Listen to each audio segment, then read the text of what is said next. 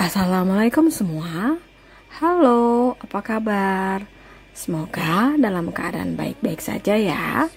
Hmm, kangen sekali rasanya. Sudah dua minggu saya absen. Semoga kalian masih ingat ya dengan saya yang biasa kasih materi secara highlight tentang hukum internasional. Kali ini saya mengambil judul Honor Killing in Indonesia dengan menaruh tanda tanya di belakangnya. Pertanyaan saya, apakah honor killing atau pembunuhan serupa terjadi di Indonesia?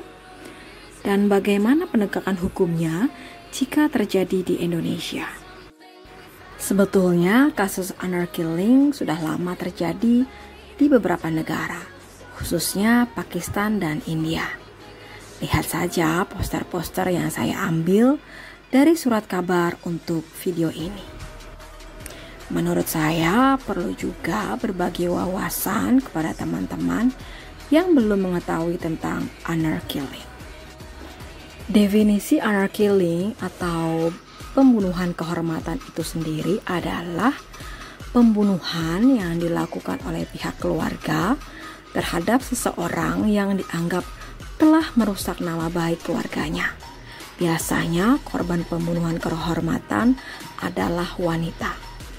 Ternyata di beberapa bangsa di dunia, ratusan bahkan ribuan perempuan dibunuh oleh keluarganya setiap tahun atas nama kehormatan keluarga. Sulit menemukan angka yang pasti mengenai honor killing tersebut karena pembunuhan sering tidak dilaporkan, kemudian pelaku pembunuhan tidak dijatuhi hukuman, dan konsep pembunuhan demi kehormatan keluarga ada di beberapa negara ditolerir di berbagai masyarakat tertentu.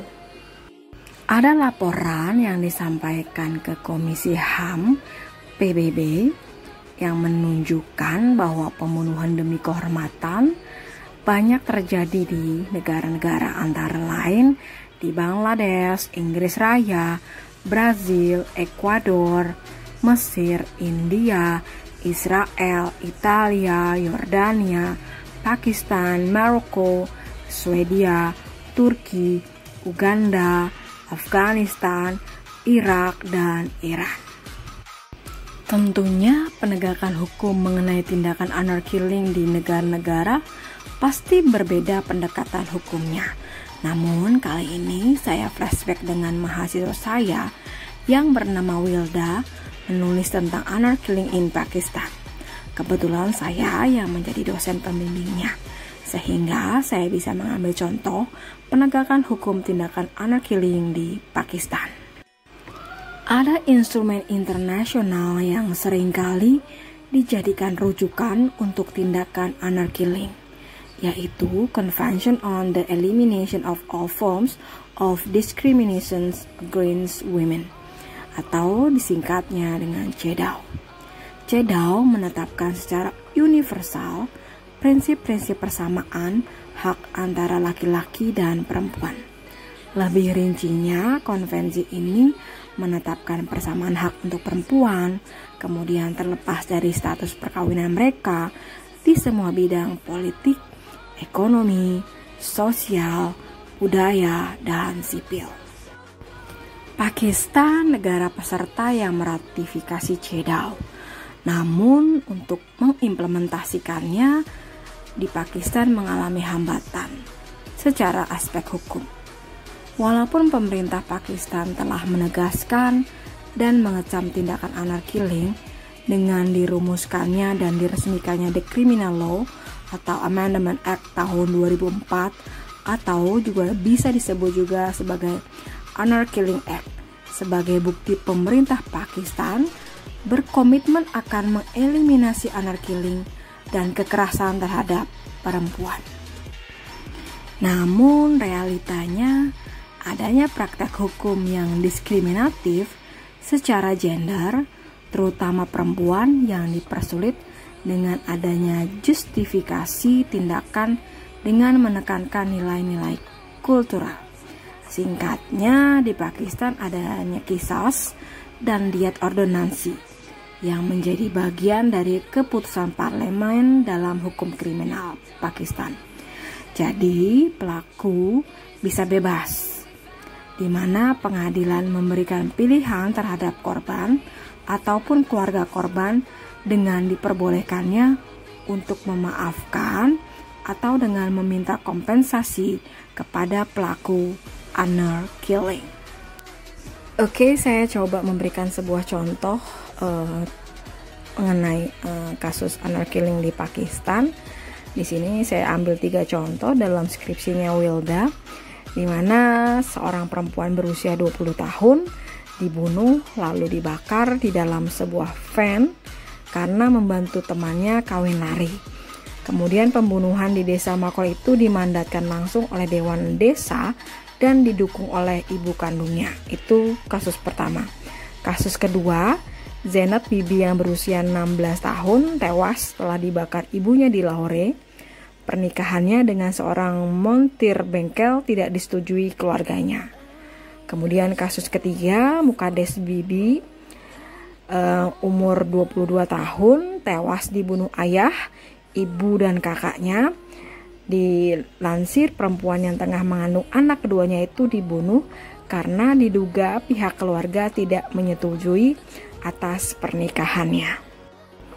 Fakta-fakta yang telah saya sebutkan tadi menunjukkan bahwa jutaan kehidupan perempuan di Pakistan dibatasi oleh budaya dan tradisi. Kemudian, fenomena honor killing menjadi pembunuhan yang lazim dilakukan. Banyaknya honor killing yang terjadi di Pakistan membuat masyarakat dunia mengeluh supaya lembaga-lembaga internasional mendorong pemerintah Pakistan untuk melakukan implementasi terhadap konvensi yang sudah saya sebutkan tadi yaitu CEDAW. Dan balik lagi yang perlu saya garis bawahi, implementasi CEDAW tidak berjalan dengan mulus karena ada hambatan-hambatan yang seperti tadi saya sudah uraikan. Kembali ke pertanyaan awal saya, apakah anak killing atau pembunuhan serupa terjadi di Indonesia? Kalau terjadi di Indonesia, bagaimana penegakan hukumnya? Saya membaca berita di surat kabar kompas.com. Di situ mengungkapkan ada kejadian pembunuhan eh, adik kandung oleh dua kakak kandungnya dengan sadis karena siri atau malu karena korban diduga menjalin hubungan di luar nikah Kemudian dari hasil pemeriksaan tersangka dan saksi keluarga mengarah ke kasus siri atau malu, di mana kedua tersangka meyakini korban telah menjalin hubungan di luar nikah. Kata siri menurut makna harafiah dalam bahasa Bugis dan Makassar berarti malu atau rasa malu. Sedangkan siri menurut makna kultural berkaitan dengan hal kehidupan budaya masyarakat, suku bangsa Bugis Makassar. Siri lebih erat kaitannya dengan martabat atau kehormatan. Jika kita melihat kasus tersebut, dapat diasumsikan bahwa pembunuhan itu termasuk honor killing atau pembunuhan secara sengaja demi menyelamatkan kehormatan sesuai dengan tradisi Sulawesi Selatan. Namun di Indonesia tetap memperlakukan hukum nasionalnya, yaitu pasal 80 ayat 3 Kemudian pasal 76C Undang-Undang RI nomor 35 tahun 2014 tentang perubahan atas Undang-Undang nomor 23 tahun 2002 tentang perlindungan anak. Kemudian juga pasal 340 Junto pasal 338 KUHP Junto pasal 55 56 KUH pidana. Yang perlu digarisbawahi yaitu di Indonesia, pembunuhan untuk kehormatan macam itu tetap diberlakukannya hukum positif Indonesia. Tidak seperti di Pakistan yang sudah menjadi suatu hal yang lazim terjadi. Oke, sekian dulu paparan saya kali ini. Semoga bermanfaat. Bye bye.